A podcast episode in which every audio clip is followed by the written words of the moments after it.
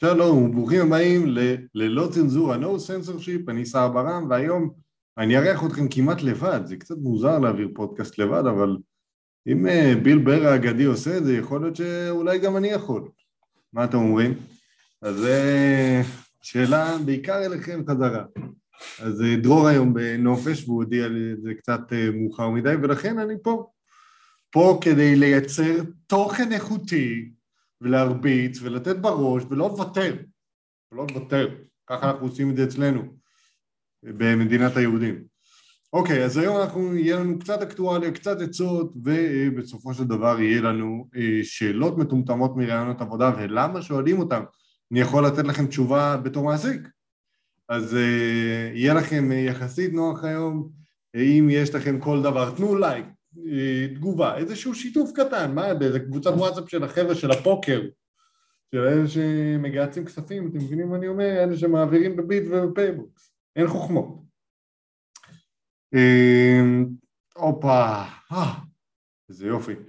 אמ, אז אה, אני פה איתכם למהלך הפודקאסט ונמשיך וניתן בראש. אז בואו נתחיל עם הדבר הראשון שיש לנו היום, שמכבי תל אביב הפסידה לקזאן ואוהדים קוראים לפטר את יאניס ורופולוס. אה, ואני אגיד לכם משהו אחד, יאניס כבר מאמן את הקבוצה הזאת אה, כמה שנים. וזה לא קבוצה פשוטה לאמן. ואני אסביר מדוע. יש מצד אחד את האוהדים השרופים, האוהדים שלא משנה מה היו בשער 11 אם אני לא טועה, בזה, ביד אליהו שם, עכשיו זה היכל מנור המבטחים או איזה בולשיט אחר שהולכים לקרוא לו, אמ, אבל יש את האוהדים האלה שלדעתי הם האוהדים האריים של מכבי תל אביב. אלה אוהדים שמוכנים לשמוע על תהליכים, אלה אוהדים שמוכנים לשמוע על בעיות בדרך, אלה אוהדים שמוכנים לעשות הכל. לעומת זאת יש את מה שנקרא האוהדים ב, אה, בתוך האולם, בחלק התחתון יותר של האולם, אלה שמשלמים כמה מאות שקלים לכרטיס, ותמיד אה, הקבוצה לא מנצחת, לא נעים לי, לא כיף לי ודברים כאלה, והחוזק והאופי של מאמן, דווקא כשהוא נמצא בחולשתו והוא מבקש מאוהדים את התמיכה שלהם, הוא ענק. הרוטציה של מכבי השנה היא מאוד קצרה, עם קבוצה בעייתית, הם לא הקבוצה הכי מאוזנת, ועם זאת הם עדיין מצליחים לנצח אה, משחקים, אפילו גם ניצחו את ברצלונה עונה, אם אני לא טועה. אה, אז אני אגיד לכם משהו, אני לא הכי עוקב אחרי מכבי תל אביב, אבל בתור מאמן, אם מאמן אומר חבר'ה אני צריך תמיכה, הוא באמת צריך את זה. וזה תקף לגבי כל השחקנים. הם צריכים את התמיכה שלכם, וזה שאתם תהיו אוהדי ניצחונות מגעילים ותגידו, mm, הוא לא משיג ניצחונות, זה לא יעזור לאף אחד.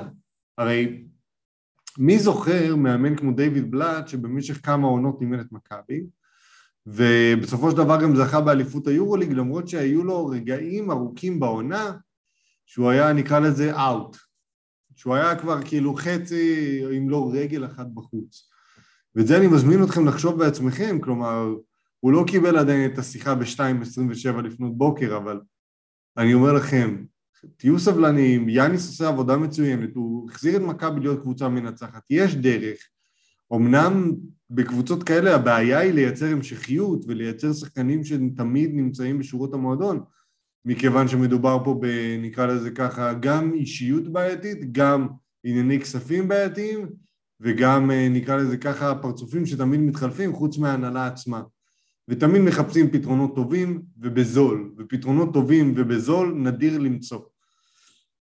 אז בזמנו שהיה לנו את העונות האדירות עם שרה, פארקר, וויצ'יץ', אה, בסטון וטל בורשטיין ודייוויד בלו וכל ה... תחילת שנות האלפיים מערכי הסקאוטינג היו הרבה פחות מפותחים. היום כל קבוצה שמכבדת את עצמה אפילו בקטנה מחזיקה לפחות סקאוטר או שניים. כלומר הם הולכים, נוסעים מטעם הקבוצה ורואים דברים כאלה או אחרים בנסיעות עבודה, הם הולכים ורואים שחקנים בעיניים של עצמם, אם לא... הם מתחילים בווידאו ולאט לאט הולכים לראות אותם ולגשת אליהם ולראות את האישיות שלהם גם. אז אה, אם אני מכבי אה, יש לכם שני דברים לעשות ובגדול שיעזרו ליאניס. אה, אחד זה לייצר מחלקת נוער מאוד מאוד טובה ואורגנית וגם שתקבל דקות בקבוצה הבוגרת כי אין מה לעשות ו... או אולי אפילו להיכנס למפעל נוסף בשביל שאותה מחלקת נוער תקבל הרבה דקות. אם יש מפעל ביניים אה, שהם יכולים לשחק, שמכבי יכולים לשחק בהם רק עם החבר'ה של הנוער סלאש בוגרים צעירים, תיקחו את זה בשתי ידיים. אולי למפעל הזה קוראים הליגה הישראלית או הגביע או מה שתרצו לתת להם דקות, כי בלי דקות אמיתיות ובלי תחרות אמיתית ובלי לשים את הצ'יפים על השולחן, כמו שנתתי את הדוגמה הקודמת עם הפוקר, יהיה קשה לקדם אנשים שיישארו במועדון לנצח סטייל, לא יודע, אפילו ליאור אליהו, שעשה איזו עונה אחת בוויטוריה או שתי עונות וחזר למועדון, ויותם אלפרין שהיה המון שנים במועדון, וטל בורשטיין, ואפילו יניב גרין היה כמה עונות טובות במועדון. בקיצור, אתם חייבים לייצר המשכיות, ו, ובזה הייתי מתמקד בתקופה הקרובה עם אני מכבי. לייצר המשכיות. הדבר השני הוא לייצר מערך סקאוטינג טוב, כי היום הרבה בעולם הכדורגל, אבל גם בעולם הכדורסל כבר יש את המגמה של לעבור בגיל צעיר למדינה אחרת בשביל להתפתח. לצורך העניין אם אתם, אה, סתם אני אתן דוגמה, גרים במדינה כמו אה, תאילנד ורוצים לשחק כדורגל, לעבור לישראל ולאחר מכן לעבור לגדולות של אירופה יכול לעשות לכם טוב, במיוחד אם אתם נקרא לזה על זה. אז אה, תחשבו איפה אתם נמצאים שם, כי ישראל היא ארץ קטנה, עם מזג האוויר מאוד מאוד נוח יחסית, לטעמי. כלומר זה לא פה איזה fucking מנצ'סטר שגשום רוב רוב השנה ו- ולא כיף שם וקריר והכל. יש פה הזדמנות, מה שנקרא, לייצר מעין גן עדן, מעין אקדמיה מאוד מאוד רצינית שמשקיעה המון ב- בילדים ומוכר, בילדים ומוכרת אותם, מוכרת את הכרטיס השחקן שלהם. הלאה, בין אם זה כדורסל, בין אם זה כדורגל או בין אם זה ענפי ספורט רווחיים אחרים שכמעט אין כאלה. אפילו NFL. אפשר לגדל אותם כאן, בתנאים פה, ולאחר מכן מה שנקרא אה, למכור אותם לחו"ל. אה, אפשר אפילו לעשות מעין, אה, נקרא לזה עיירות נופש.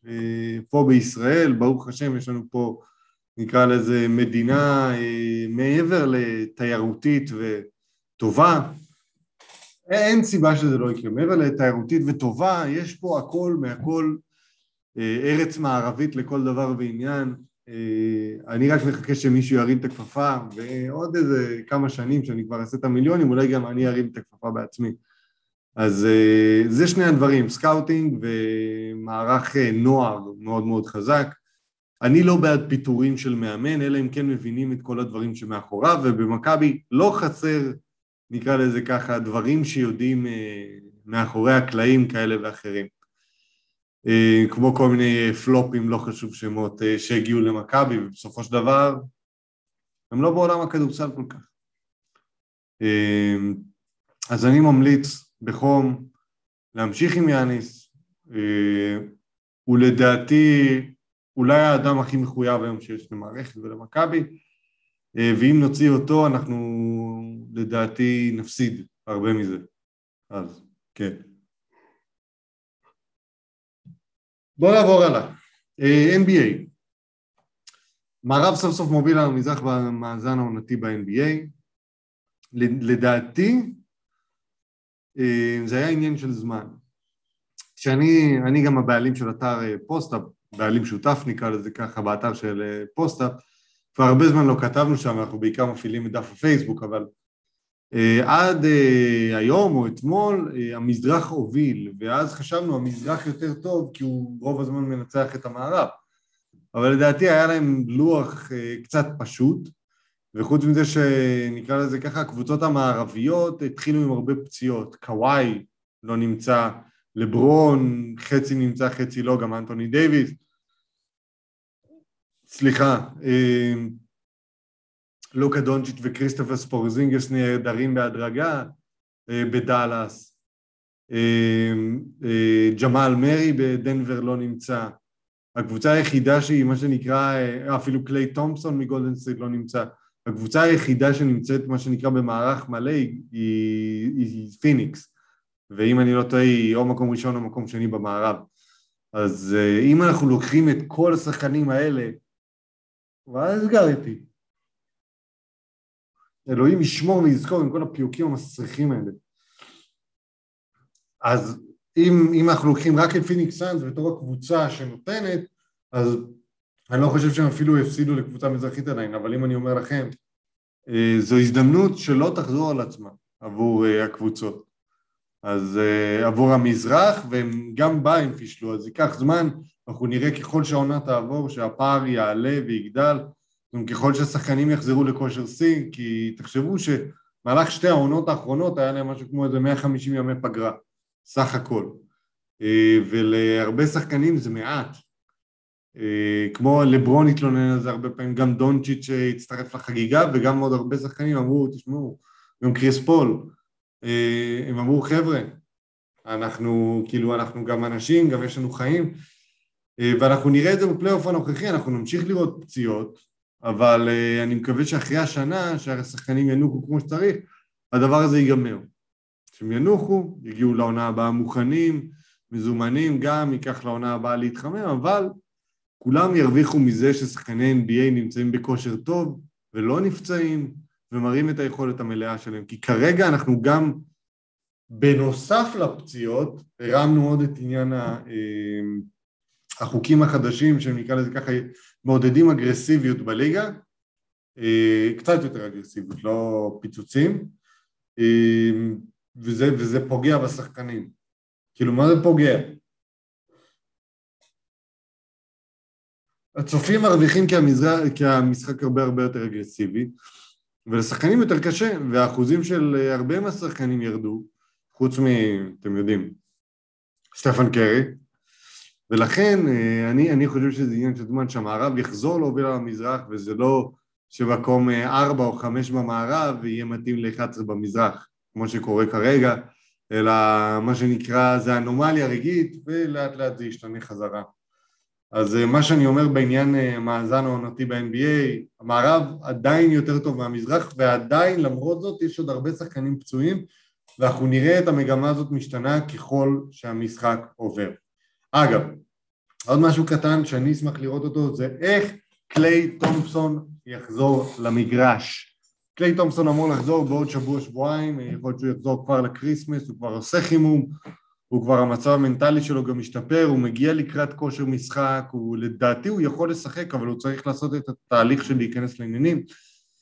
אני מאוד מאוד מקווה שהוא ייכנס לעניינים וייכנס לעניינים טוב.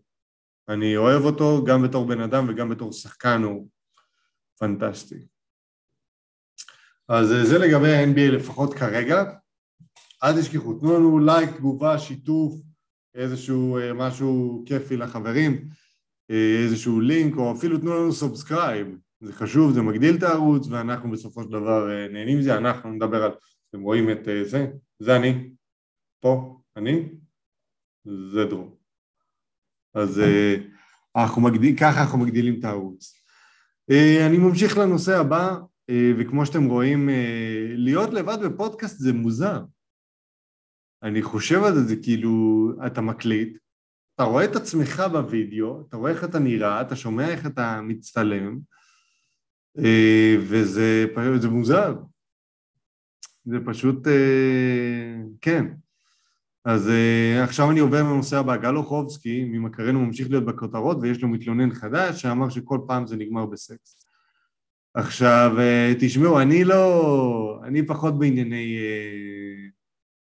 נקרא לזה ככה להט"ב, להגיד לכם את האמת, אני, לא, לא שיש לי בעיה, אבל אני כאילו איתם, אני ההפך מאוד מאוד אוהב, אני אוהב את כולם, ו, ובמיוחד, כאילו, אני, אני מסתדר עם כולם, ואני מסתכל על זה של, של כפייה מהסוג הזה, זה, אני פשוט מקווה בשביל גל שזה לא נכון.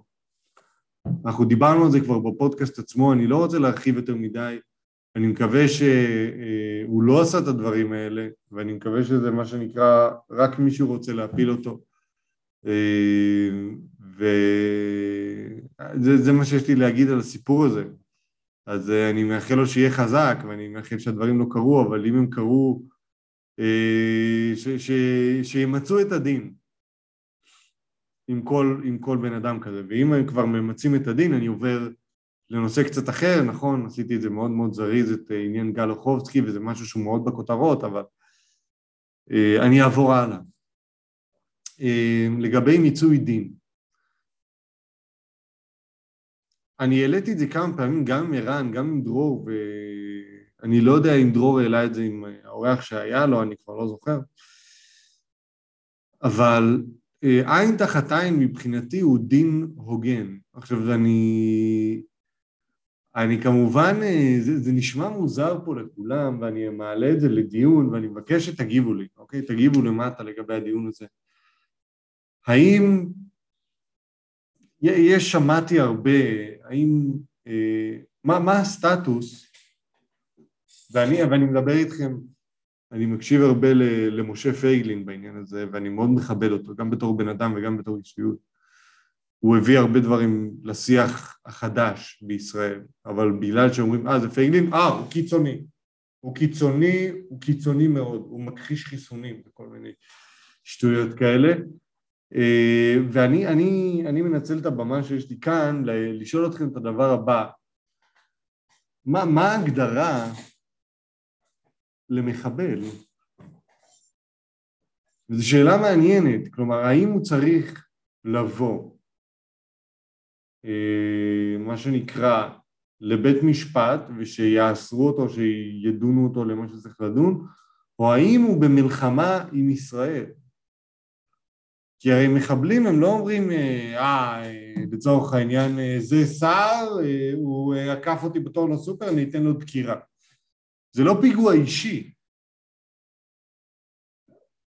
כמו שקורה במגזרים אחרים בארץ, כן?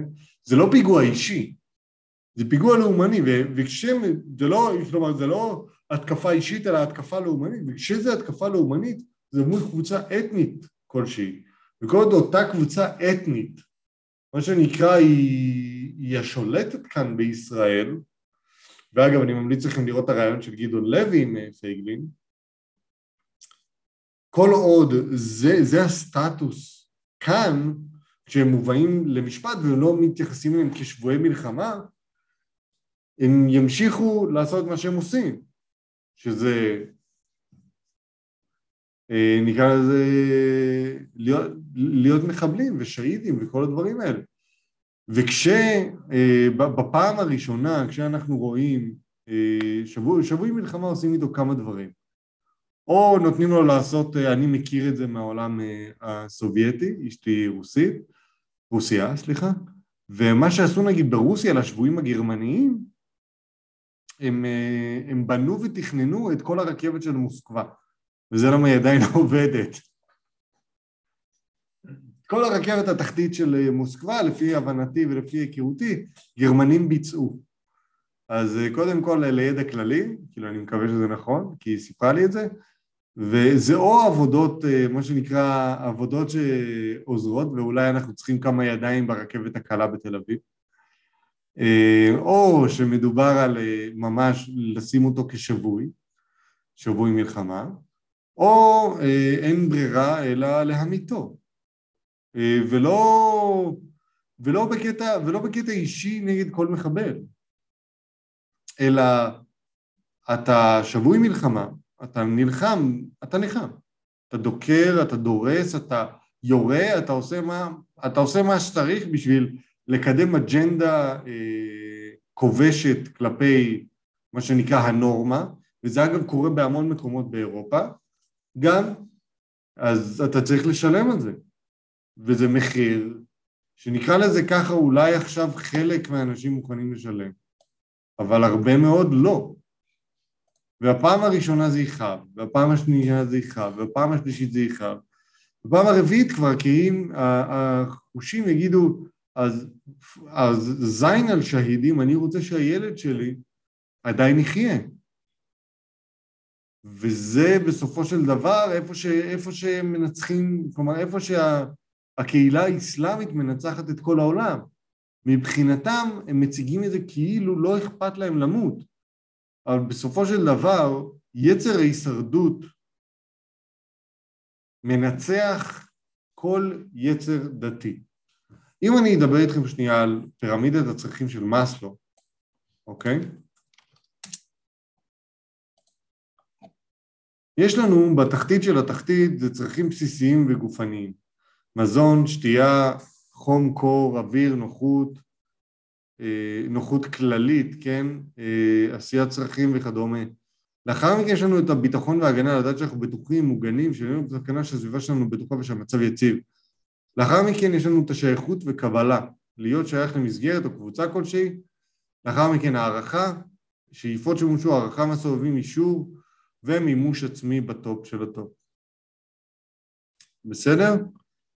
אז אם אני לצורך העניין אה, לוקח את זה, אם אתה לוקח את הבסיס של הבסיס מבן אדם, שזה אה, מחיה, מה נקרא, מהר מאוד הפירמידה הזאת קורסת. כלומר, אם, אם לוקחים את הצרכים הפיזיולוגיים הבסיסיים מכל בן אדם, זה לא שהוא עכשיו יגיד, אה, אני לוחם דת, אני אעשה מה שצריך בשביל הדת. בסופו של דבר הוא... יקלו כוחו. כלומר, ויש אנשים מאוד חזקים מנטלית, ואני מאוד מכבד ומעריך את זה, יש, יש יחידי סגולה שיגידו שילכו עם האמונה עד הסוף, אבל גם אם אתה הולך עם האמונה עד הסוף, אה, והנורמה היא, אוקיי, לך עם האמונה שלך עד הסוף, ובוא נראה לאן זה מגיע, ואתה מוצא את עצמך במצב רע, אז אין טעם בפועל. זה לפחות דעתי. אז אה, כך, אם אנחנו מתייחסים שוב, המימוש העצמי של להיות שהיד, או לצורך העניין ההשתייכות לקבוצה, נמצאים במקום הרבה הרבה יותר גבוה מהצרכים הפיזיים. וברגע שאתה לוקח את הצרכים הפיזיים, או אפילו את הביטחון, שזה לפני השייכות לקבוצה, הם לא יכולים, יהיה קשה לאותם אה, אנשים שמבצעים פעילות עוינת כלפי אה, יהודים או כלפי אה, ישראלים אה, לבצע את אותה פעילות כי לא יהיה להם, מעבר לזה שלא יהיה להם אמצעים, הם גם, השמועה תתפשט לבד וזה יהיה מאוד מובהק שאין להם מה לעשות עם זה. אין להם דרך באמת להתקיים ככה. ועם זה אני עובר לנושא הבא. אורן זריף, חברי הטוב, מטה את משרד הציבור ומשרד הבריאות, יוצא נגדו, ואני חייב להגיד לכם משהו על אורן בכלל. אה, לדעתי מעבר לזה שהוא איש שיווק מדהים, באמת, אה, ההטרלות שהוא עשה שמורות לטובים ביותר, אה, ואני מאוד מכבד ומעריך אותו על זה. על זה שהוא מה שנקרא מטפל אלטרנטיבי לפני שכולם ידעו מה מטפלים אלטרנטיביים עושים והוא טוב, אוקיי? הוא נותן טיפול טוב, הוא ישר, הוא אמין, הוא אוטודידקט, הוא בן אדם, הוא גם איש עסקים משכמו ומעלה. ולכן, ואני אגיד לכם משהו, כלפי כמעט כל כתבה שאתם רואים. אם אתם רואים משהו בסגנון של אורן זריף מטעה את הציבור במשרד יוצא נגדו, שימו לב, בדרך כלל מדובר על איזשהו גוף פרטי כזה או אחר, שאיזשהו משרד ממשלתי יוצא נגדו. ואם אני אכניס לפה את האמונות שלי, אני לא בעד שאיזשהו משרד ממשלתי או איזשהו גוף שהוא נקרא לזה ככה אמור להיות לא משוחד, יצא כנגד מישהו מכל צורה שהיא.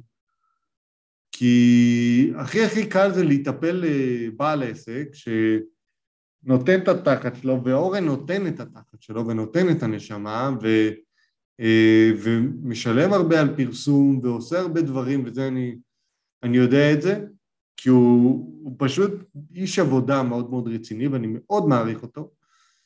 אה, ונכון, לא כולם מתחברים לטיפולים אלטרנטיביים, ונכון, לא תמיד במאה אחוז מהמקרים זה עובד עבורכם, אבל זה עוד ניסיון שבטוח לא היה לכם אם אורן לא היה קיים, או אה, עוד ניסיון שלא היה לכם אם מטפלים אלטרנטיביים בכללי לא היו קיימים. תחשבו שהייתה קיימת רק הרפואה המודרנית, אה, ובמקום לעשות כל מיני ניתוחים ופרוצדורות שמאוד קשה להתאושש מהן ופולשניות והכל, לא היה לכם את האפשרות מה שנקרא לטפל בנפש. וזה למה אני יוצא לעזרת אורן. אה, זה מה שאני חושב שטוב. אה, אורן, אני יודע, אתה בחור מאוד חזק, שמור על השם שלך, תהיה חזק, אני מאמין בך. מי ש... קיבל ממך טיפולים, מאמין בך, ומי שמכיר אותך בתור בן אדם ויודע מי אתה, מאמין בך. אז אה, תמשיך עם הדרך שלך, אוהבים אותך. ואל תיתן לשום משרד להציק לך, כמו שאני בטח יודע שאתה לא עושה, שזה לא מפריע לך ולא מדיר שינה מעיניך. אני מסיים פה את עניין האקטואליה עם בחור בשם תום אביב. אני אנסה להבין מה קרה פה, אני קצת מסתכל באינטרנט. בחור, שף, שלפי מה שהבנתי אה, תקף מישהו בגלל שהמישהו מתעלל בכלב של עצמו. ומישהו הזה כנראה היה מהעדה האתיופית, או אה, זה, זה מה, שאני, מה שאני הבנתי, ולכן כולם יצאו נגדו שהוא כאילו עשה את זה על רקע גזעני, או רקע על זה שהוא היה אה, פלילי או משהו בסגנון. קל מאוד, מה שנקרא, לעשות אפליה אה, קל, קל מאוד למשטרה להאשים בסופו של דבר את ערכי האור, ואנחנו רואים את זה בארצות הברית. אה, בהרבה מאוד פשעים עשו, לא עשו, אני, אני לא מדבר על זה בכלל, פשוט קודם כל באים אליהם בטענות. אז אה, הבנתי שהוא תקף את הבחור, ולמרות שאותו בחור היה בכלל, יש לו הרשעות קודמות לפי מה שהבנתי, אה, והוא תקף אותו בגלל שהוא תקף את הכלב שלו, אני לא מכיר את מה שהיה באמצע, אני רק יודע את הדברים הבאים. אם תקפת את הכלב שלך, אתה מתעלל בחסר ישע. כי בסופו של דבר לכלב הזה יש רק אותך. לך יש חברים, לך יש משפחה, לך יש פה, שם, כאן. הוא מחכה שתחזור הביתה, והוא מחכה לתשומת לב וליחס, וזה שתוציא אותו ותדאג לו, והוא ייתן לך את כל האהבה שבעולם. והוא ייתן לך את כל מה שהוא יכול לתת. ולתת מכות בשביל לתת מכות, ולא אה, להבהיר דברים או לחנך, אה, זה, זה התעללות, זה התעללות בחסר ישע. ואני אומר את הדבר הבא ואני אומר אותו מאוד בזהירות. עם כל הכבוד לכל אחד, אתה לא יודע מה קורה בתוך הבית, אתה לא יודע מה היחס, אתה לא יודע איך כלב מחונך, אין לך מושג. אני לא הייתי מתערב למישהו בחיים בעניין הזה, אלא אם כן דברים שאין מה להתבלבל בהם, ושם הייתי מתערב. ואני מקווה שאם זה הסיפור, שם תום יתערב, ואם לא, הייתי מה שנקרא עושה הפרד ומשול, מבהיר את העניין הזה, נותן אה, מה שנקרא אה, עונש, עונש חינוכי לתום ועונש עוד יותר חינוכי למי שמתעלל בכלב, אם זה קורה כמובן.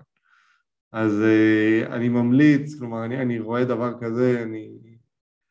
לא נעים לי, אני כאילו חושב, אני בתור uh, בעלים של בעל חיים, יש לי חתולה בבית, אני מאוד מאוד אוהב אותה, לפעמים, uh, בוא נגיד את זה ככה, uh, לעיתים מאוד רחוקות, היא תוקפת, וזה משהו שכלבים עושים בשביל להגן על עצמם, או לצורך העניין שעליתם עליהם יותר מדי על העצבים.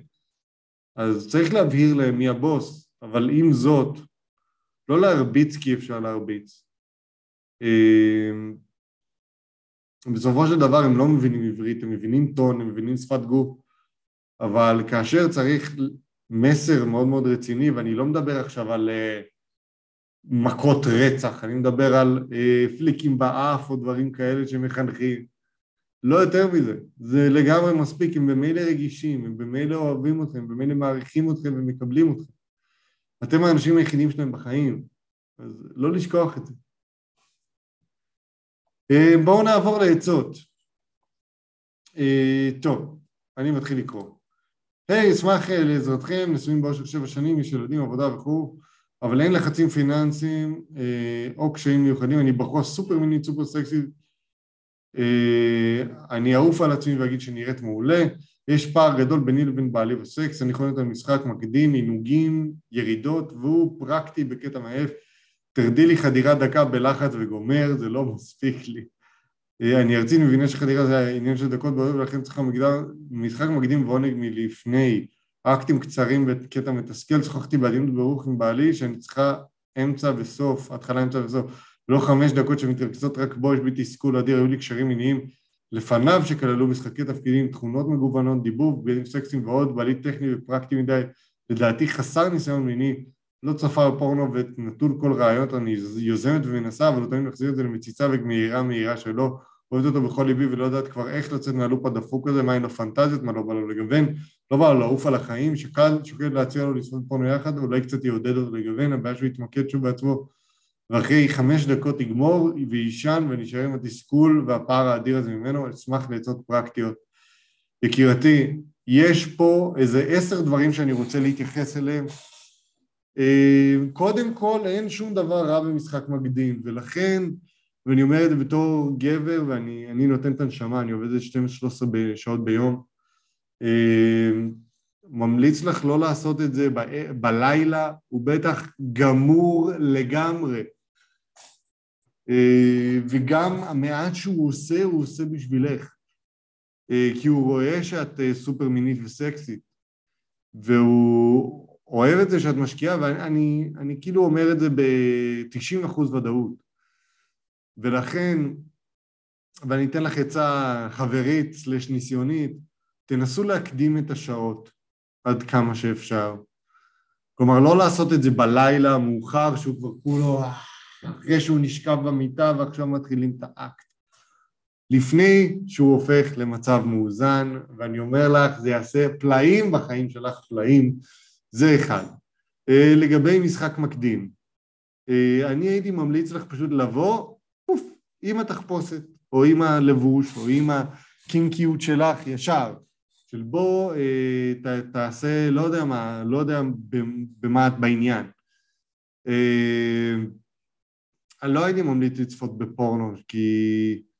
אה, עזבו, אני, אני עוד רגע אגיע לשלב הסופי, אבל תבואי קינקית מראש, אוקיי? וקחי את הזמן אה, בהסתגלות, כי הוא לא רגיל לדברים האלה כנראה, כי זה משהו שהוא לא עשה בחיים שלו, וכנראה גם, אה, אני אגיד לך עוד איזה משהו קטנטן, אה, הוא לא, הוא לא מכיר את העולם של מיניות, וגם, כמו שאמרתי, הוא עייף.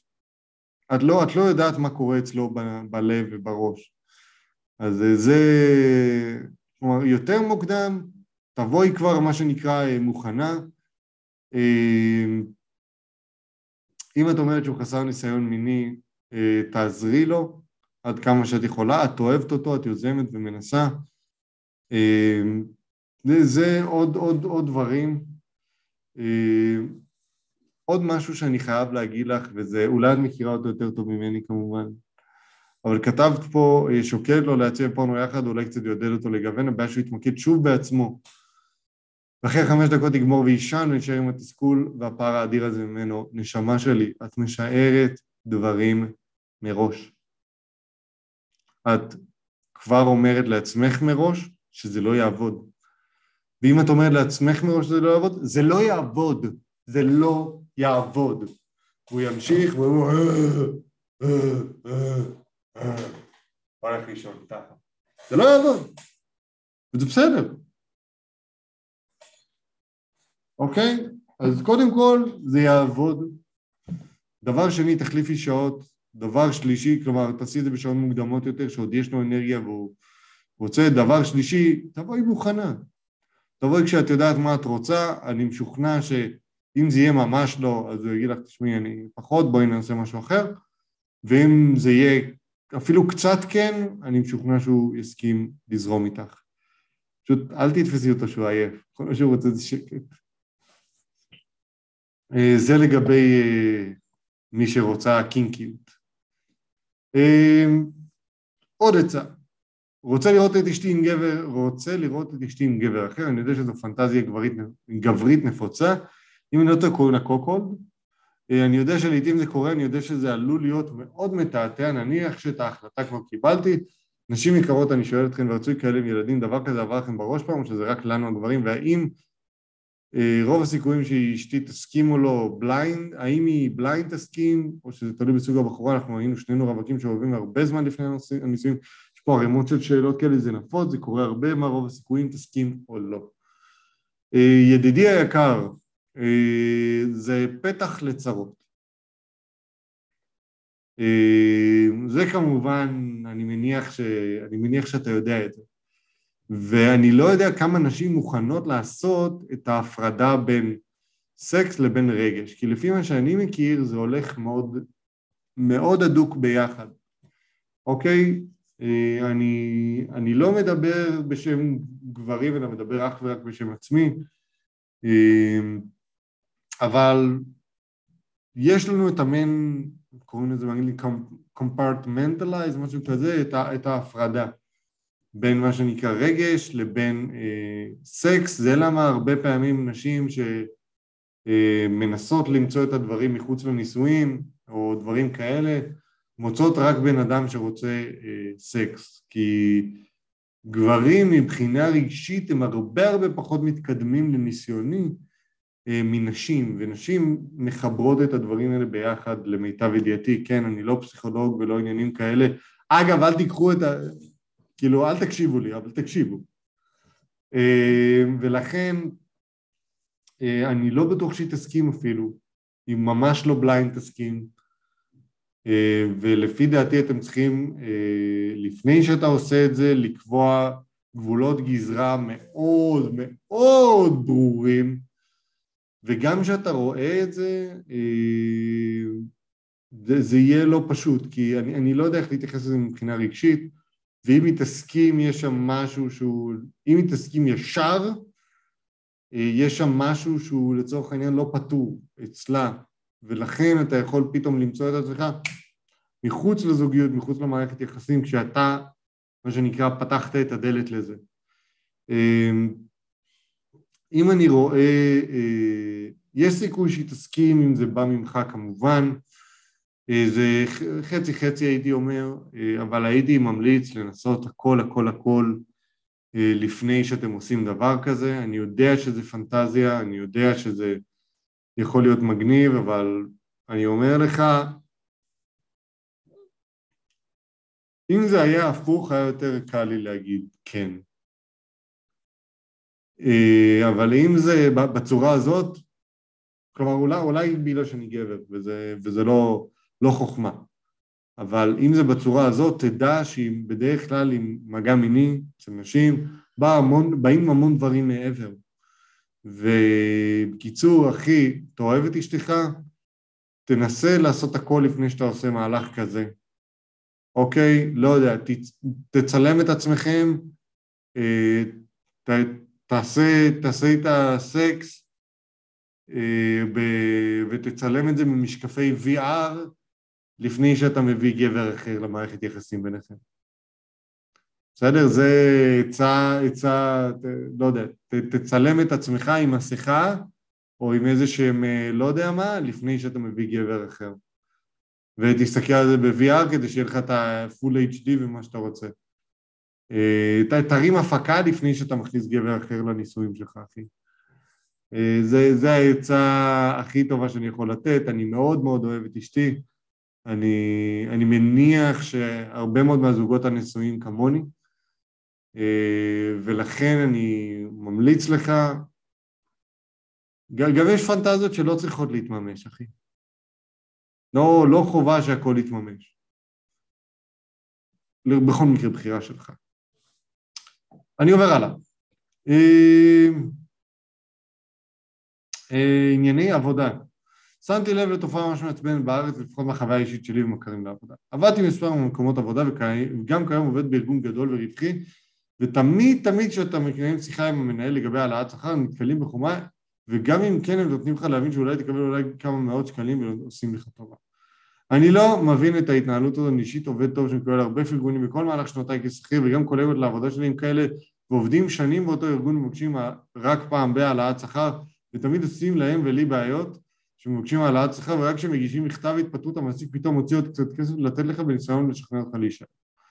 מעסיקים לא מבינים שזו הסיבה שגורמת לתחלופות עובדים גדולה מאוד בשוק במקום להתחיל לחפש עובד חדש עכשיו שעד שילמד את התפקיד ייקח עוד זמן פשוט תפרגנו בעוד קצת כסף לעובד שגם ככה אתם מעריכים ונתנו לו הרגשה טובה. למשל בארגון שלי בתקופת הקורונה דווקא הרוויחו הרבה מאוד כסף מעבר ליעדים שסומנו ועדיין מתקמצנים בהעלאות שכר לעובדים וכל פעם נאלצים להתמודד עם מציאת מחליפים לעובדים עם ותק שעזבו כי לא קיבלו את מה שדרשו והבקשות היו ממש לא מוגזמות.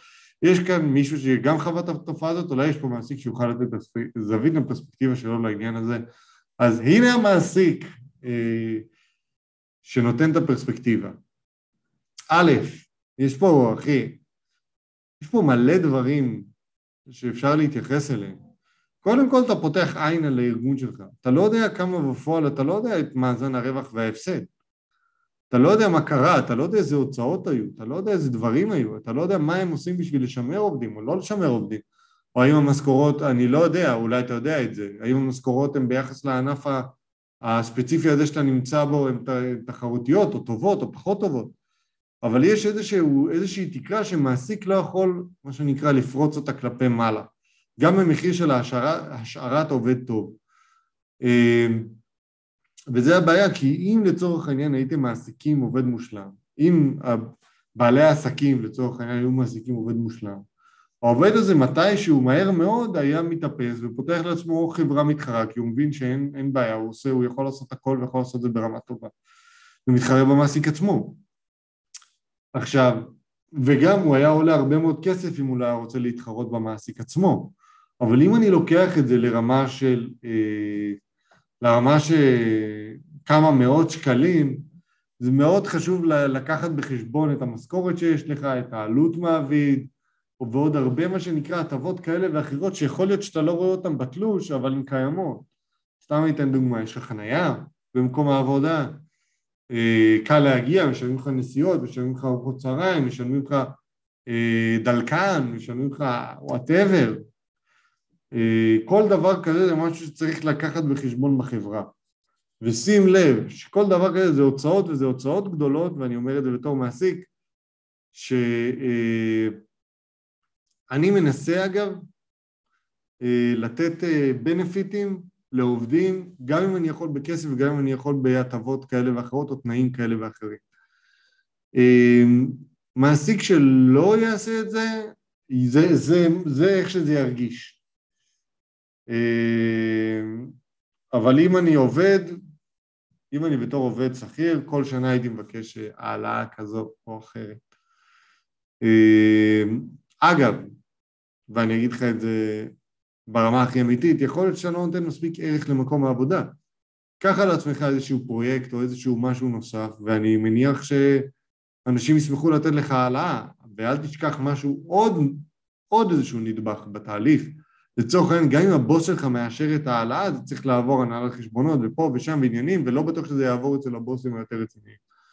אז יש פה מיליון ואחד מרכיבים בתוך הדבר הזה של העלאת שכר, אה, אני לא מכיר את כל התמונה המלאה, ולמרות זאת, ואני רוצה להכיר את התמונה המלאה אם אתה רוצה לכתוב לנו, ב-advice at nocensorship.com, censorship s, אה, אני רואה את הדבר הזה בתור הזדמנות. אם אני מגיע להעלאת שכר, בהנחה ואני לא מאיים בהתפטרות, הייתי מגיע זה, זה פגישת משא ומתן לכל דבר ועניין. אם אתה מגיע לפגישת משא ומתן, אתה צריך להגיע מוכן. המעסיק מגיע, לצורך העניין המנהל שלך או הבוס שלך מגיע, ואתה בא אליו, אני רוצה העלאת שכר. הוא אומר לך, לא.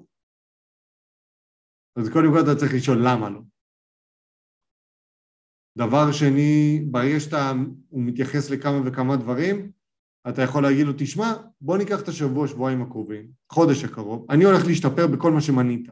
לאחר מכן אנחנו נעשה את השיחה הזאת שוב, ותהיה מוכן לשקול.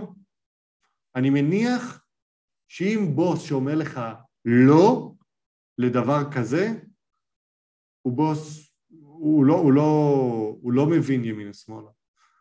תמיד אני מוכן לבחון אם מישהו מוכן לקחת על עצמו יותר, או מוכן אה, להשתפר בדברים שהוא עושה. בתור בעלים של חברה לשיווק דיגיטלי. אז איפשהו אני לא יודע כמה מוטיבציה הראית כשביקשת את ההעלאה. ההעלאה לא אמורה להתקבל כמובן מאליו, אה, מה, אני שנה פה, אני מקבל העלאה. אז קח את הדברים האלה בחשבון, אחי. אמ, אני מקווה שקיבלת כמה טיפים פה. אה, אחרי, אחרי שאתה מסיים את אותו חודש, אתה עושה איזשהו עוד שיחה עם, ה, עם המנהל שלך, אומר, תשמע, שיפרתי את זה, את זה ואת זה ואת זה, מה עם הלאה? מה אתה אומר? אני חושב שעשיתי פה עבודה טובה, אני חושב שאני יכול להמשיך לעשות אותה, בוא נעשה עוד דברים, או בוא, בוא, אני רוצה להתקדם, אני רוצה לעשות עוד דברים. אני רוצה לאתגר את עצמי, אני רוצה, להתק... אני רוצה לעשות, אני רוצה הראש הגדול של החברה. זה מה שאני חושב לפחות. אתה צריך לתת יותר ערך, ואם אתה נותן יותר ערך ממה שלצורך העניין אה, אמרו לך שאתה לא נותן והם עדיין לא מעלים לך את השכר, אחי, זה... כן, זה דעתי. אה, עוד עצה, מספר ארבע ואחרונה להיום. היי, אה, תנו לי בבקשה עצות איך להסתכל נכון על המצב הזה. אני בקשר עם בחור כבר כמה שנים טובות. או oh יאה. Yeah. אני נראה טוב, הוא נראה טוב, הכל מעולה, פה ושם עולות בנות שהוא די מתלהב מהן ואני מפרגן דווקא, זה טופח לו על השכם וצריך קצת. מה זאת אומרת? מה, כאילו סתם אומר, אה, ראיתי, הסתכלתי על עליי מתה עליי. ואם זה מתקבל בצחוק בסדר, אבל אם זה משהו שהוא נקרא לזה ככה קצת יותר מדי פוזל הצידה, צריך לראות. כמו שאני מאמינה שהוא מפרגן כשבחורים מנסים להתחיל איתי או מחמיאים לי, כי בסך הכל שנינו בסדר ואין פה בעיות מיוחדות, למרות שבגדה בי פעם והייתה לי היכולת האלוהית לסלוח ונמשיך הלאה.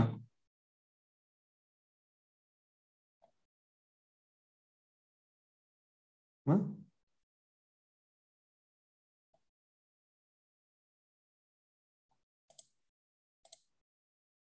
מה? אני לא מבין פה.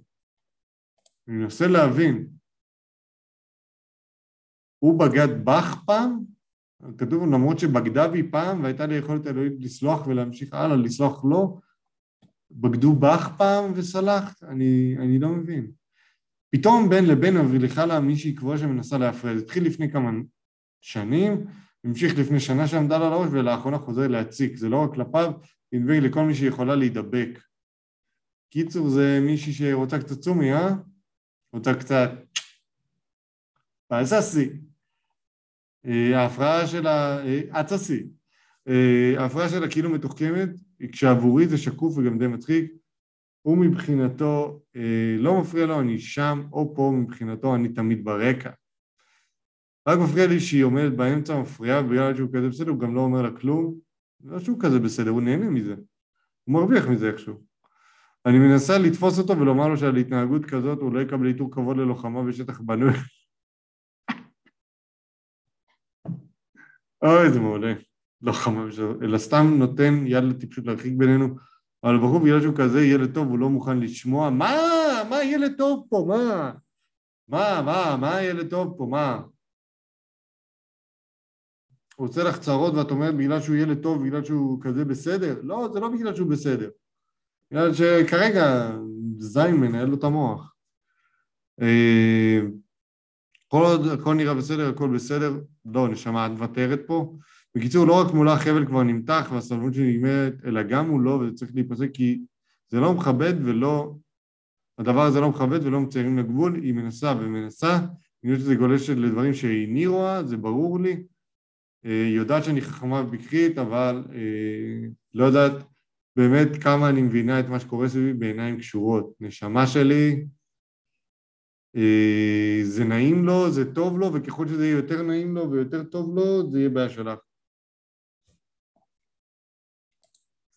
בואו נראה, אז אה, לפעמים תופסת את הראש ולא מבינה איך אני עולה על דברים שהיא צריכה לראות אותם כמה פעמים, sorry, תחסכו מכם מהערות על חשדנות וקנאה או whatever, אני לא הטיפוס הזה, כי אם זה לא יקרה אין לי שום בעיה לחתוך ולהמשיך הלאה בחיים שלי, יש גבול עד כמה חוסר כבוד ואחריות שלו הופכים להיות בעיה שלי, מה עושים לדעתכם? בבקשה, תודה.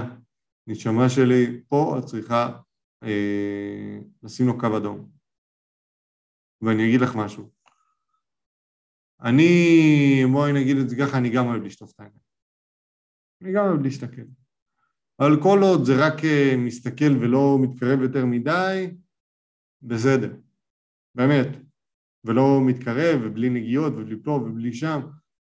אנחנו הגברים יכולים להתבלבל מאוד מהר, אנחנו מסתכלים כיעדים לכיבוש. אני לא יודע אם אתם נשואים, אני לא יודע כמה זמן אתם בזוגיות, אני לא רואה פה... אה, היא כבר כמה שנים טובות, היה הכל מהכל. לא יודע אם יש ילדים, אה, נשמה שלי, את צריכה לשים אה, קו אדום. לטעמי.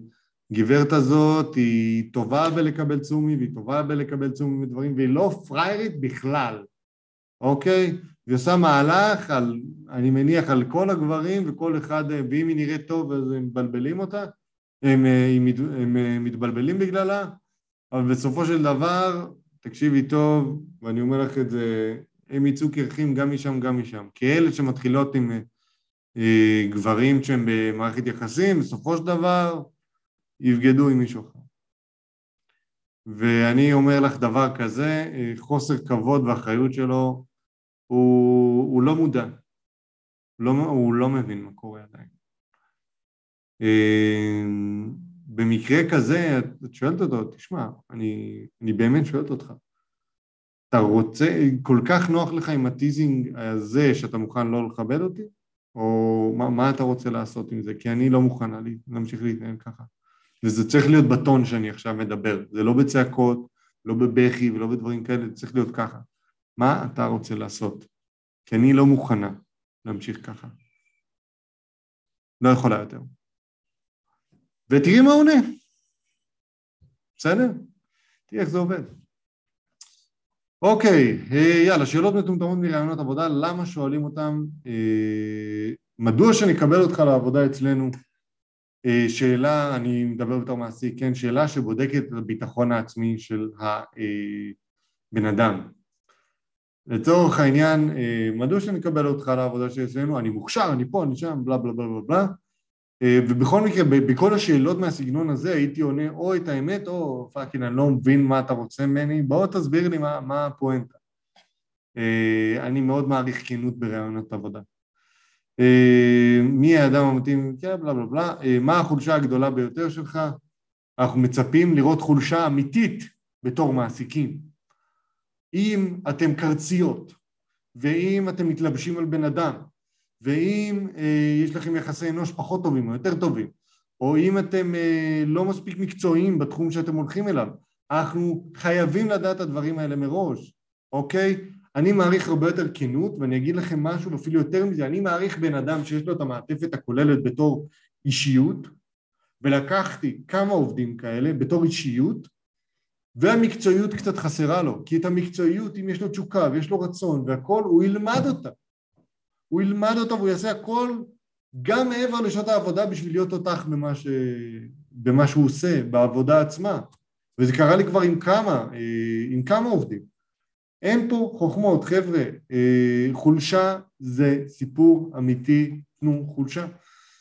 אה, איך אתה רואה את עצמך בחמש שנים הבאות?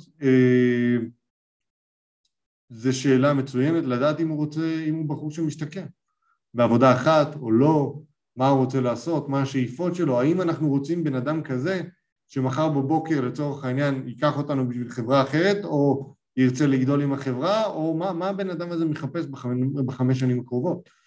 אפילו אם הוא יגיד, אני, אם זה ברור רווק ואומר אני מתכוון להקים משפחה וזה, אתם יודעים שהוא יהיה איתכם לאורך זמן, לפחות, ב, לפחות בתקופה הקרובה.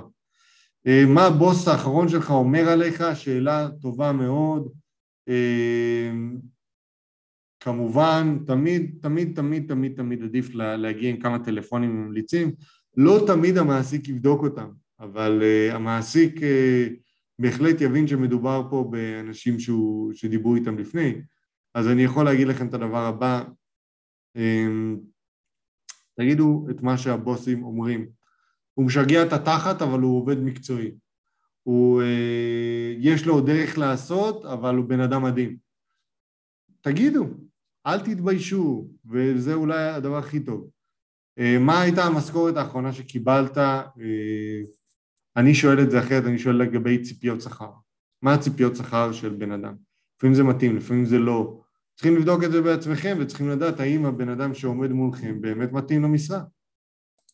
זה היה לגבי אה, משכורת האחרונה שקיבלת, לגבי ספר לי מעט על עצמך זה לראות איזה דגשים אתה נותן ברעיון העבודה, אה, על מה אתה נותן יותר משקל? על זה שאתה איש משפחה? על העבודה הקודמת? על הזוגיות? על, על המשפחה האישית שלך? על תחביבים? מה הפרונט? מה, איך אתה מגדיר את עצמך ולכן מה הסדר העדיפויות שלך בחיים? על תחביבים? אה, למה אתה המועמד המתאים? אה, זה נטו עניין שיווקי. כלומר, למה אני הכי טוב? כי אני משוכנע שיש לי כך וכך, כי יש לי ניסיון בכך וכך, כי כבר עשיתי זה וזה ואני רואה שאתה משרד קטן ואני רוצה ש... לפתח פה ופה, כי אני התנסיתי כבר בכך וכך. זה אחלה, אחלה. אה, אני, כמובן, אי אפשר להשוות את עצמי לאחרים, אבל עדיין. כלומר, לדעתי זה מתאים כי... אה, יש פה את שאלה שמונה, לו היית בעל חיים איזה חיה היית, זה... כתבו פה במאמר, אה, הייתי טורף כלשהו, אולי זאב, לדעתי זה fucking שטויות, זה תלוי במי אתה. אם אתה לצורך העניין איש שירות, אז רך, אם אתה איש מכירות אז יותר רעב, יותר אגרסיבי, יותר אסרטיבי. ופה תלוי מאוד בתפקיד שאתם פונים אליו ותלוי לאיזה חיה אתם באמת מתחברים. לאילו חברות מלבדנו פנית, זה פאקינג לא רלוונטי. כאילו, אם אתם רוצים תודיעו, אם לא, לא. וזה לא עניין איזה חברות, האם היו לך הצעות נוספות, זה אולי רלוונטי. עד כמה אתה רוצה את המשרה, שאלה מצוינת, לדעת כמה בן אדם רעב ורוצה להתחיל, אה, אחלה שאלות. כאילו, הרוב פה שאלות טובות, ואני אגיד לכם בתור מעסיק, אה, אני ממליץ לכם, בתור מעסיק, תשאלו את השאלות האלה. בתור עובד, תגיעו מוכנים לשאלות האלה. כי, כי להגיע לא מוכן, אז אתם תגידו את האמת בשיא האמת, ולפעמים אתם תתפסו במערומיכם. אז אני ממליץ לכם בחום, תנו בראש, אוקיי? זה ה-No Censorship Podcast, אני שר ברם, שמחתי לעזור לכם, אם יש לכם איזה שהם אה, שאלות, מענות, טענות, מוזמנים לשלוח לנו ב info, שטרודל, nocensorship.com, או לתת לנו פה תגובות ושיתופים ו subscribe ולייקים למטה. אה, אם יש לכם איזושהי עצה שאתם רוצים לקבל, advice, שטרודל, nocensorship.com, דרור עובר על העצות וכותב את כולם. אה, אה, מעבר לזה, נהניתי איתכם מאוד ושיהיה לכם המשך יום מקסים, אוהב הרבה, סער.